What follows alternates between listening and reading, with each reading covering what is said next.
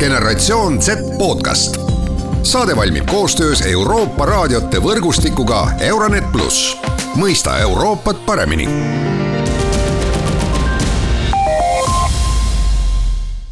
Tere, head Genset taskuhäälingu kuulajad, mina saatejuht Mart Valner ja täna räägime noortest ja poliitikast räägime sellest, äh, mille pärast äh, noored ei osale aktiivselt poliitikas või kui osalevad, siis millised on nende uued osalemisvormid.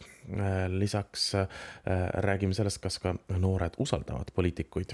mul on hea meel, et seda teemat on minuga avamas endine Tallinna Ülikooli politoloogia lektor Nikolai Kunitsin ja saate teises osas räägime ka natukene Niklas Nienašega, kes on üks nooremaid Europarlamendi saadikuid. aga alustame Nikolaiga ja alustasime tegema ka jutuajamist küsimusest, kas noored usaldavad poliitikuid ja poliitikat? Võib-olla alustaks sellest, et äh, noored on osa ühiskonnast, et nad ei ole täiesti niisugune eraldiseisev grupp, et sama hästi võib äh, iga kuulaja küsida, et kas nad usaldavad poliitikat või poliitikaid, et mis on teie esimene mõte, mis tuleb teil pähe, kui teil üks hea sõber ütleb, et ta kandideerib valimistel.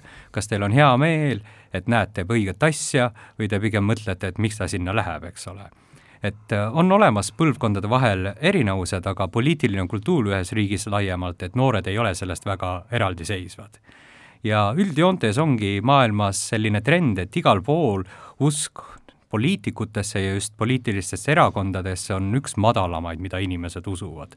kõrgem on see Eesti puhul näiteks politseil või kaitseväel või kohtusüsteemil nii et kui me lähme edasi selle küsimusega, mis on hästi niisugune tegelikult sügav küsimus, et kas noored usuvad poliitikuid või poliitikat, siis üks asi on uskumine või sellised teadmised ja teine on nagu tegevus. Et kui me vaatame selle peale, siis noored igal pool niisugustes demokraatlikes riikides aina vähem ja vähem osalevad. ja seda me kutsumegi niisuguseks osalemise paradoksiks et Eestis on äh, uuringute järgi noortel väga kõrged teadmised, kuidas demokraatia toimib, kuidas valimissüsteem toimib, mida peab kodanik tegema, aga nad väga ei osale ja miks, sest see on väga lihtne, et kui me räägime klassikalisest sellisest osalemist, näiteks valimistel käimine, petitsioonidel allkirja panemine, siis see on väga lihtne. aga tänapäeval need osalusvormid on juba kordades keerulisemad, et kuidas me arvestame seda, et keegi on sotsiaalmeedias poliitiliselt aktiivne, kuidas me arvestame seda, et keegi poliitilistel kaalutlustel ei tarbi mingeid äh, tooteid, eks ole, et selline mittetraditsionaalne osalus, seda on palju raskem mõõta nii et kas noored äh, usuvad poli-, poliitikuid või poliitikaid, et see on keeruline küsimus, sest oleneb, kellega me võrdleme, eks ole. kui me võrdleme täiskasvanud inimestega, siis väga suurt vahet ei ole. kui me võrdleme näiteks Lääne-Euroopa eakaaslastega, siis nad nii-öelda usuvad natukene vähem, nad ka osalevad natukene vähem, aga kui me võtame niisuguse meie regiooni, et kes, Kesk- ja Ida-Euroopa, siis siin on Eesti noored küllalt tublid, eks ole Mm -hmm. ja see muidu just tulenebki kõik sellest, et mida meedia kirjutab, milline on nende perekond, mida nende eakaaslased räägivad, mida erinevad vabaühendused teevad ning kindlasti on olulisel kohal ka kooli roll selles kõiges. no te ütlesite ka, et, et noored äh, ei osale selles nii-öelda traditsioonilises äh, poliitikas nii palju, aga samas äh, oma poliitilist meelsust avaldatakse, eks ole, teistsuguste meetodite ja teistsuguste vahenditega, et äh, kui me räägime nüüd ütleme äh, kliimateemadest, äh, meil noh, üle maailma noorte kliimaprotestist näiteks ja, ja nii edasi, mis on tegelikult ta ei ole küll otseselt poliitiline liikumine, aga ta on mingisuguse poliitika noh, mingisugust poliitikat propageeriv liikumine, eks ole ehk siis äh, mis need äh, väljundid on, mis noored võtavad ja, ja miks ma seda ka küsin, on see, et äh, noh, see ta-, tavaline, ütleme, Fridays for Future liikumine, selline mm, aktsioonid ja protestiaktsioonid, mis tõmbavad tähelepanu. sellest on palju ekstreemsemaid liikumisi, kus ka noored osalevad, kes, kes näevad, et nende hääl muidu ei jõua kohale, eks ole, ehk siis kas see nii-öelda traditsioonilisest poliitikast kaugenemine võib viia noori mingisuguste hoopis ekstreemsemate väljendusviiside ja ka võib-olla vaatepunktide juurde? No see on jälle väga niisugune hea ja keeruline küsimus, eks ole, et võib-olla võiks alustada sellest, et kuidas me defineerime, mis poliitika on. et eesti keeles ei ole häid termineid, aga klassikalises me mõtleme poliitika all võib-olla sellist päevapoliitikat või erakondade poliitikat, et mida peaminister ütles või opositsioonierakonna poliitik ütles. aga tegelikult poliitika niisuguses tänapäevases, ütleme, käsitluses postmodernses tähendab seda, et poliitika on kõikjal. et me ei saa ilma poliitikata olla. see, kas sa lähed ja ostad kohvi või teed, mõjutab, eks ole, et milline talunik kuspool maakera saab endale toidulauale midagi. nii et kui me võtame niisuguse natukene holistlikuma või terviklimu, terviklikuma lähenemise, et poliitika on igal pool ja kõikjal, siis võib öelda, et me kõik osaleme poliitikas, eks ole, et kas me jagame mingit videot sellest, mis Ukrainas toimub, kas me paneme internetis allkirja selleks, selleks, et Eestis põlevkivitööstus lõpetada, kõik sellised asjad, omavahelised chatid, mis noored kus nad räägivad, eks ole, sotsiaalmeedias, see kõik on ka nii-öelda osa poliitikast. et aina rohkem me näeme sellist, ütleme, keerulise terminiga neoliberaalset pööret või hoiakut, et nagu üks inimene või indiviid vastutab kõige eest, et tarbi vähem liha, eks ole, taaskasuta oma riideid ja tooteid, kasuta tõukeratast, mitte autot aga need kõik on sellisel süsteemi tasemel ikkagi mikromuutused, eks ole.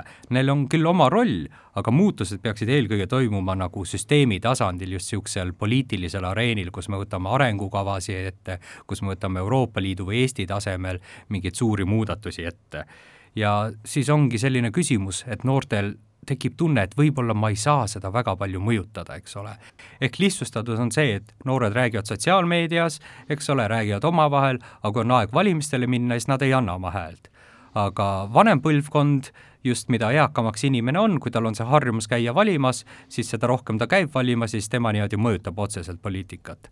aga tulles tagasi selle radikaliseerumise juurde, siis me võime eristada nagu noori mitmesse erinevatesse kategooriatesse. et on need nii-öelda aktivistnoored, needsamad Fridays for Future või kes on õpilasesinduste, üliõpilasesinduste liidul, igal pool mujal. et neil on nii teadmised kui ka nad ka käituvad vastavalt siis teiselt poolt võib öelda, et on niisugused passiivsed kodanikud, keda ei huvita poliitika, keda ei huvita ühiskond ja kes jäävadki niisugusesse passiivsesse rolli, kellest osad võivad ka kindlasti radikaliseeruda mitme faktori koosmõjul. sama kehtib muideks ka nende aktivistide osas. aga suurem osa noori ja suurem osa ka täiskasvanud inimesed on nii-öelda valvekodanikud, ehk siis nad hoiavad ennast kursis, loevad aeg-ajalt lehte, räägivad sõprade-tuttavatega, aga nad aktiviseeruvad alles siis, kui tuleb neile mingi südamelähedane teema ja siis nad hakkavad selle nimel pingutama ja siis oleneb juba indiviidist, tema nii-öelda kasvatusest, mida me kutsume poliitiliseks sotsialiseerumiseks, et mida ta täpsemalt hakkab tegema, et kas ta saadab Jüri Ratasele või Kaja Kallasele kirja, kas ta kuskil internetis teeb midagi, kas ta läheb tänavale, et need ongi nii-öelda enamus, suur osa inimesi ongi nii-öelda valvekodaniku rollis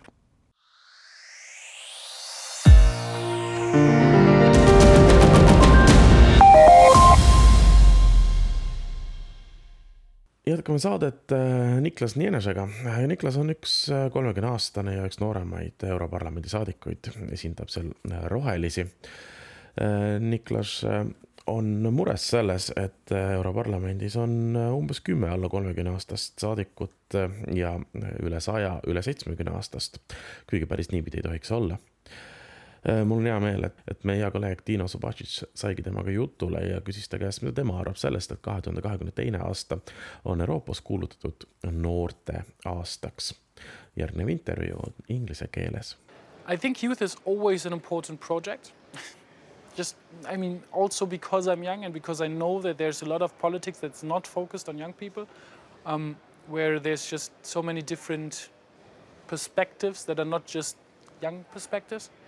Um, I think it's good that we have this year of youth, but I also have to say I'm a little bit so so because it's a good symbol, it's a good outspoken thing. But the question is what you do with this. If you just go out there and say, we have the year of youth, now let's celebrate, that's not really worth it. What would be worth it is that young people's voices are actually being heard. That we make sure that young people get involved in politics and it's not just like, hey, nice to meet you, shake some hands, and all your ideas will, um, will rest in this drawer for, for eternity, but that we make sure that their ideas actually being promoted, that their visions are being taken seriously. Because, I mean, in the end, sorry to tell the old people, but the young people will take over this world. And I think it's good if young people or if, if those people who inherit the heritage actually have a, have a word to say about how which direction we want to go. And so I hope that we use this year of youth not just to have like a nice blah blah blah about it, but that the young people actually demanding to be heard, to go to the streets, go to their representatives and tell them, this is my position and I want you to take me seriously. Just a few more personal questions that I ask in each episode. They tend to be the toughest ones, though. Okay. What is your favorite memory? My favorite memory. I went to um, Kenya 10 years ago, 11 years ago, and then we went to Tanzania. And uh, in Tanzania, there's the Mount, uh, Kilimanjaro, but we didn't climb on the Kilimanjaro. We went to Mount Meru, which is a, um, a, a- a mountain right next to it. Generatsioon Z podcast.